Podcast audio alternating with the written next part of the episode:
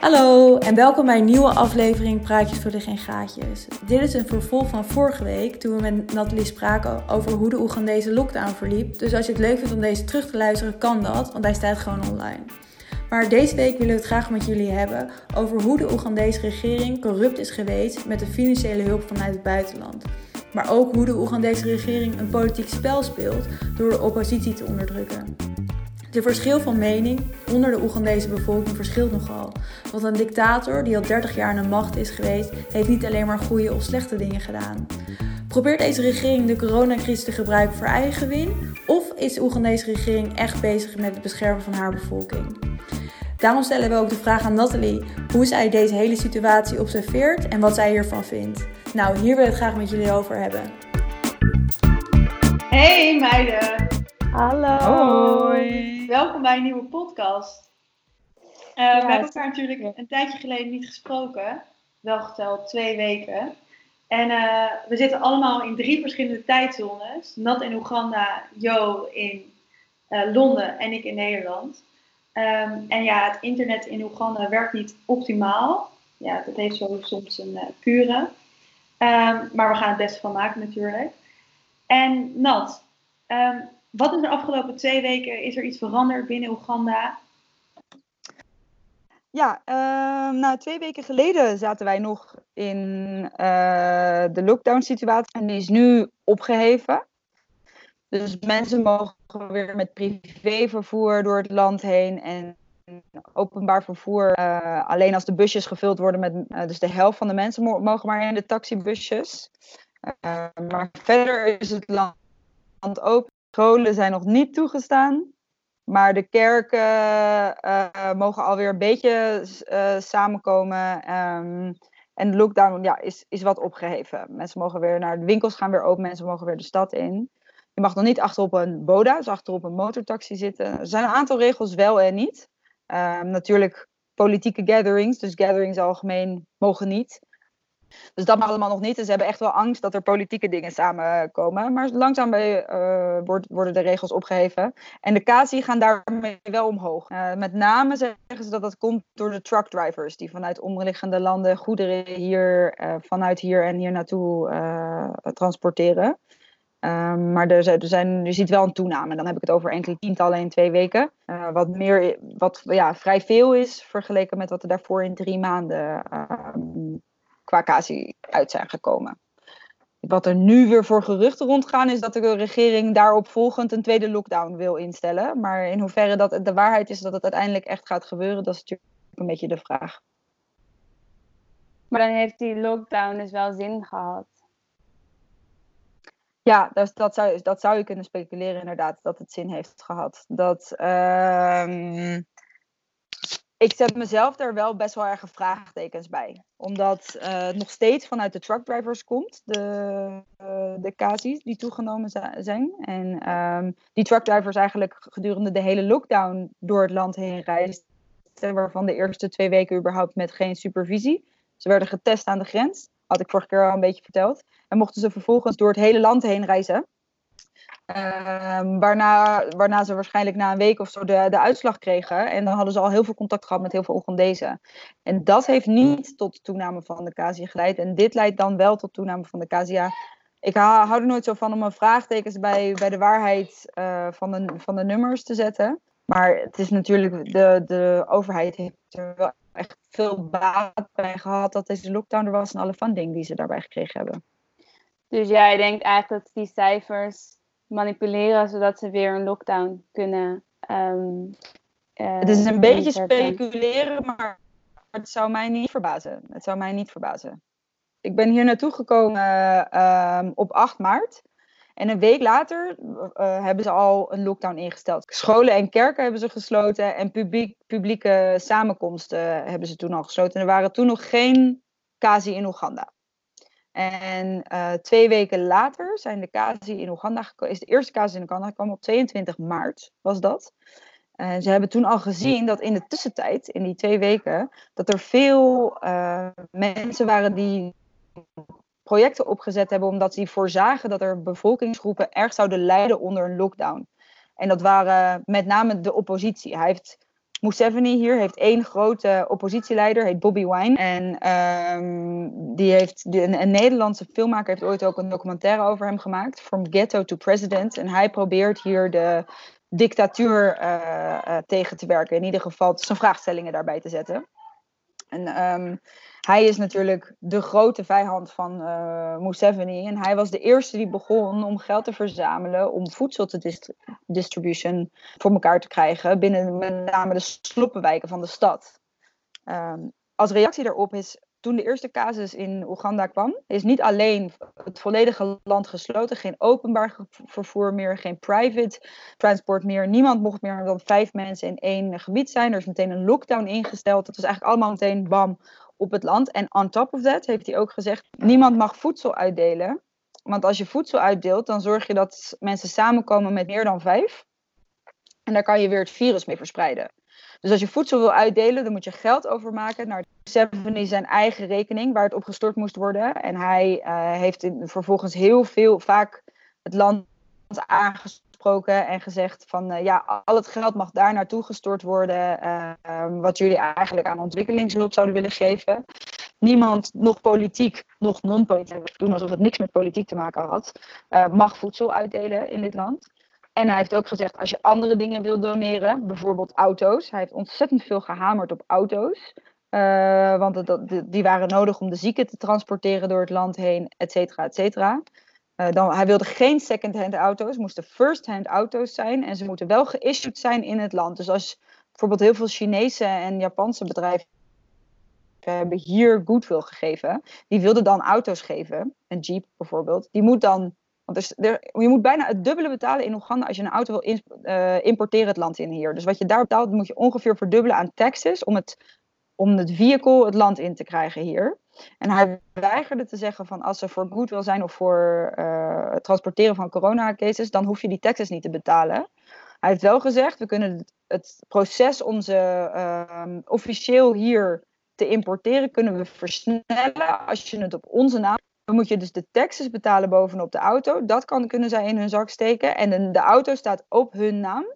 Zodat je die ook nooit terug kan claimen na de lockdown. Zo heeft de regering heel veel voertuigen um, gekregen en heel veel geld gekregen. Op een gegeven moment leek dat niet genoeg en werd er ontzettend veel door de WHO en de CDC gespeculeerd.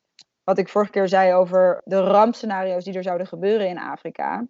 En toen hebben heel veel Afrikaanse van de, de African uh, Bank en de World Bank hebben ze geld geleend. Ontzettend veel geld in de westerse landen en de US. Er is heel veel geld gedoneerd door westerse landen en de US. En door ook NGO's en GO's. Bijvoorbeeld uh, UNICEF heeft alleen al uh, aan, aan Oost-Afrikaanse landen 316 miljoen dollar gedoneerd. Uh, om, om te zorgen dat hier het virus aangepakt kon worden. Dat soort geld wordt weggesluist. En op welke manier doen ze dat nou? Wat ze bijvoorbeeld gedaan hebben. Je hebt MP's, Member of Parliament, in het land hier. En daar heb je er 388 van. En die hebben ze, toen ze de grote gelden van, van internationaal binnengekregen hebben, hebben ze die allemaal 20 miljoen gegeven. Niet dollars, dan heb je het over 5000 uh, dollar. Een van die Member of Parliament en Pace is Bobby Wine, die oppositieleider. Um, die heeft dat geld teruggestort, want die heeft gezegd van ja, wij, er is niet duidelijk aan mij verteld waarom dit geld voor mij is, behalve dat ik een member of parliament ben. Bobby Wine zei, daar heb ik niet zoveel geld voor nodig om mensen te informeren. Dit geld zou veel beter geïnvesteerd kunnen worden in het helpen van, de, van voedseldistributie. Dat is iets wat ik niet mag doen.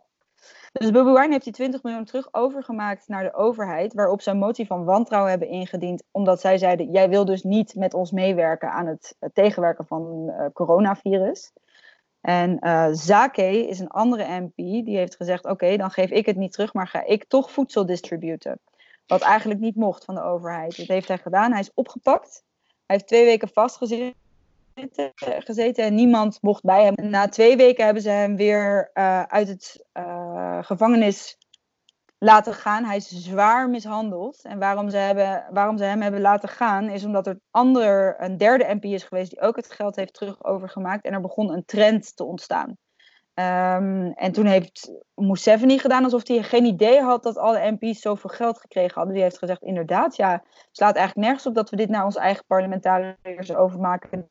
Dit moet naar de bevolking. Maak allemaal maar weer terug over. Maar toen konden ze niet meer verantwoorden dat ze zaken opgenomen hadden, opgepakt hadden. Dus die hebben ze toen weer vrij moeten laten. Maar die is zwaar mishandeld.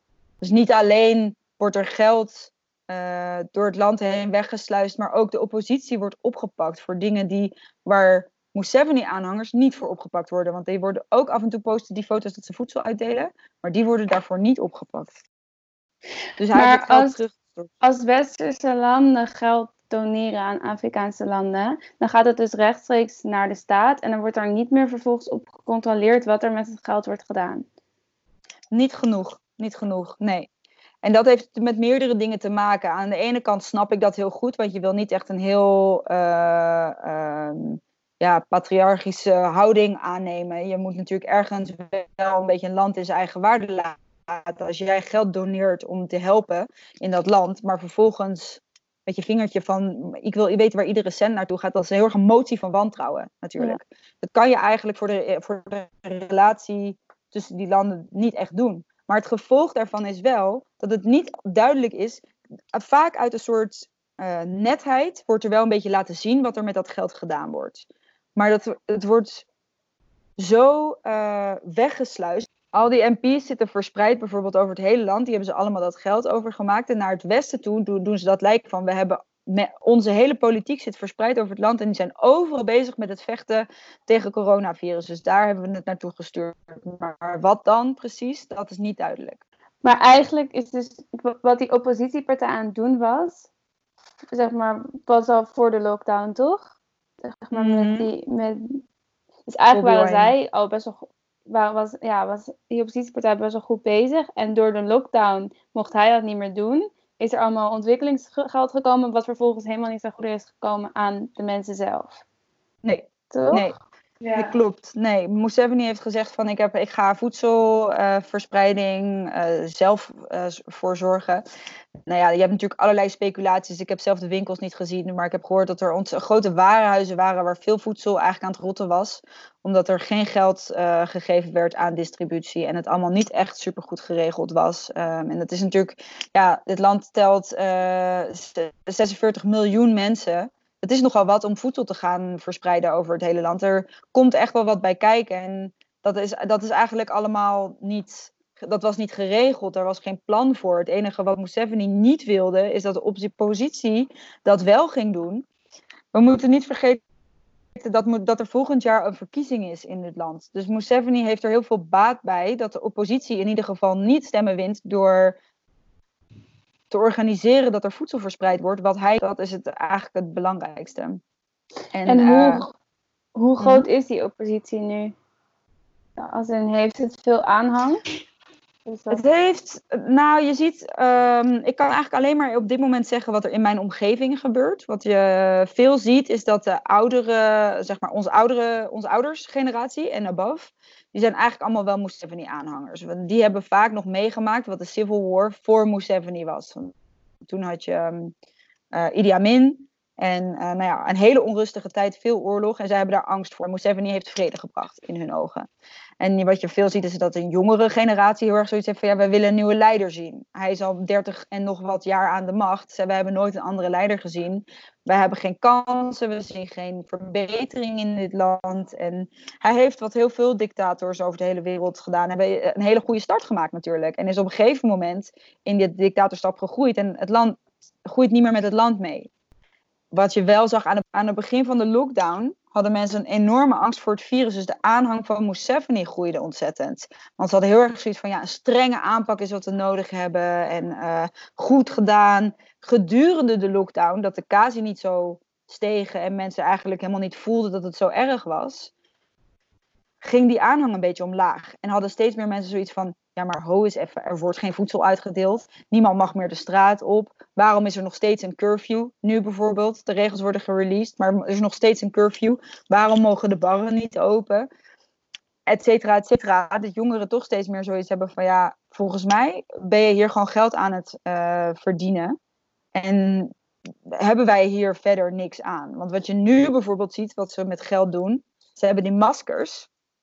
Ze hebben twee weken mhm. geleden gezegd.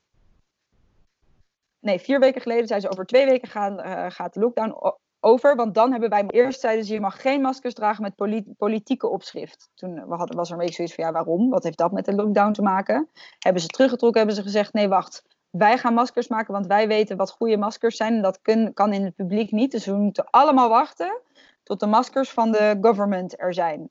Nou ja, ieder bedrijf wat enigszins doorheeft wat het betekent om 46 miljoen maskers in twee weken te maken, wist dat het onmogelijk was.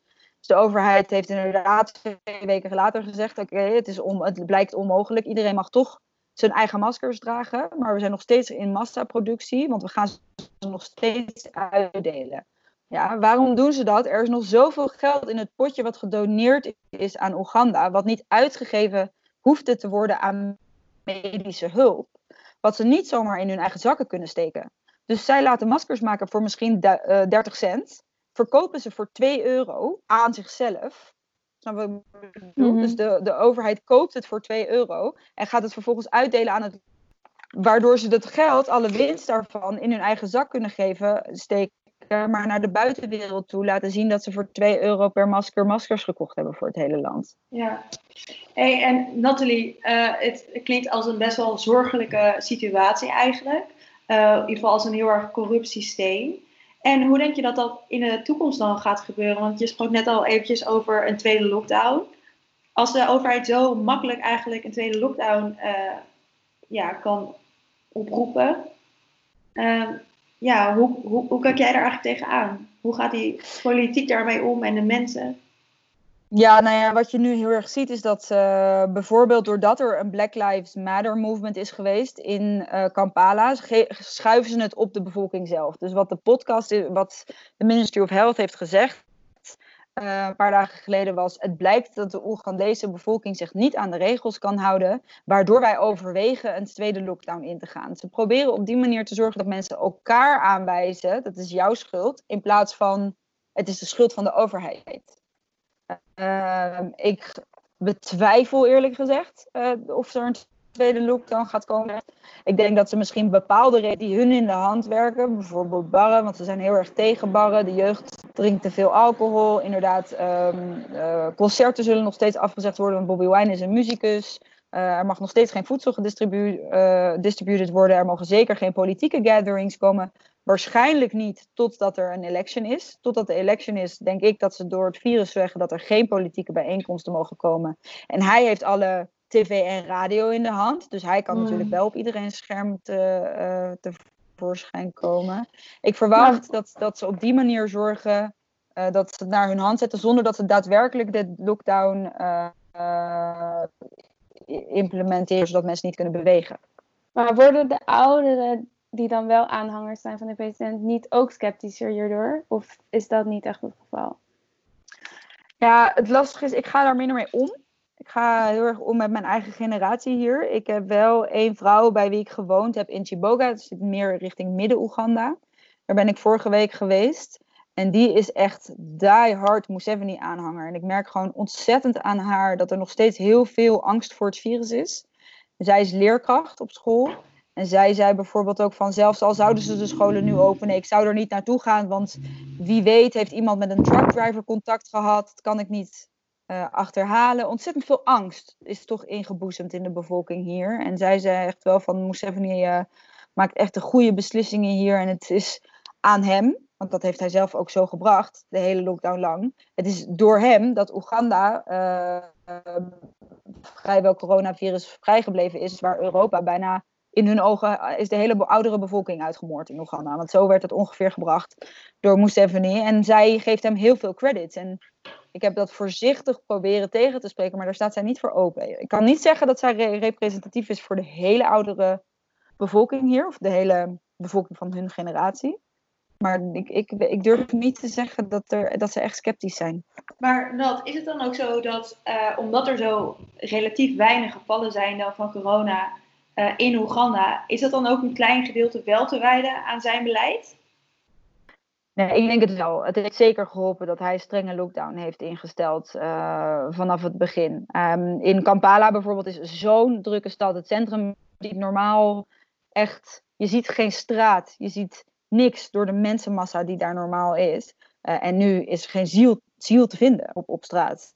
En mensen hebben echt wel, zeker door de agressie van de politie in het begin, uh, zich echt aan die regels gehouden. Dus natuurlijk, met een virus wat, wat zich verspreidt, zoals het coronavirus, heeft dat geholpen. Absoluut. Het, enige wat je niet moet onderschatten is dat in, in Europese landen hebben ze langer gewacht. Maar ondanks lockdown stegen de uh, gevallen exponentieel daarna nog steeds. En die exponentie is hier, is er wel, maar is veel minder. Dus het is echt niet alleen te wijten aan die lockdown. Ja. Ik heb nog een laatste vraag voor je.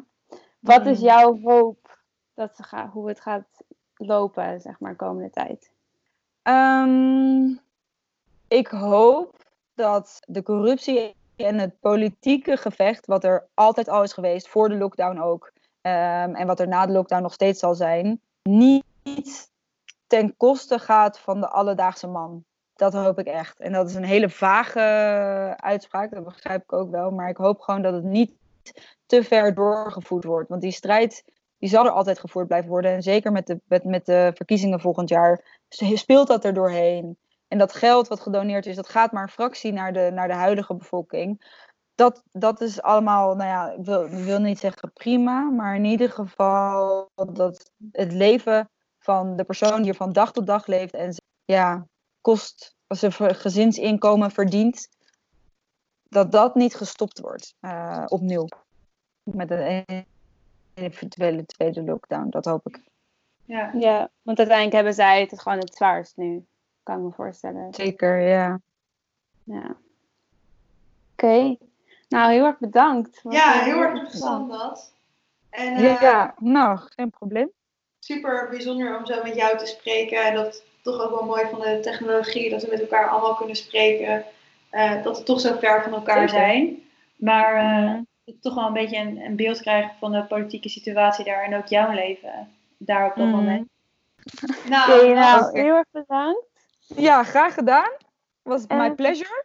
Ja, en heel veel succes daar. Dank je. En ik zie jullie wel. Uh, doe ja. ik? Doe ik.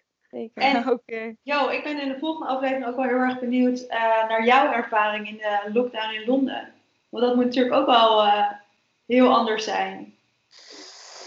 Ja, maar of het een hele podcast is, dat weet ik niet hoor. Maar ik zou kijken. Misschien heb ik dan iets heel bijzonderenswaardig meegemaakt. Ja, misschien. Neem ons mee in jouw leven in Londen. Ja, dat is heel interessant. Oké, okay, is goed. Nou, dankjewel leuk. meiden. Hey, doei doei. Yes. Oké, okay, doei. doei. doei.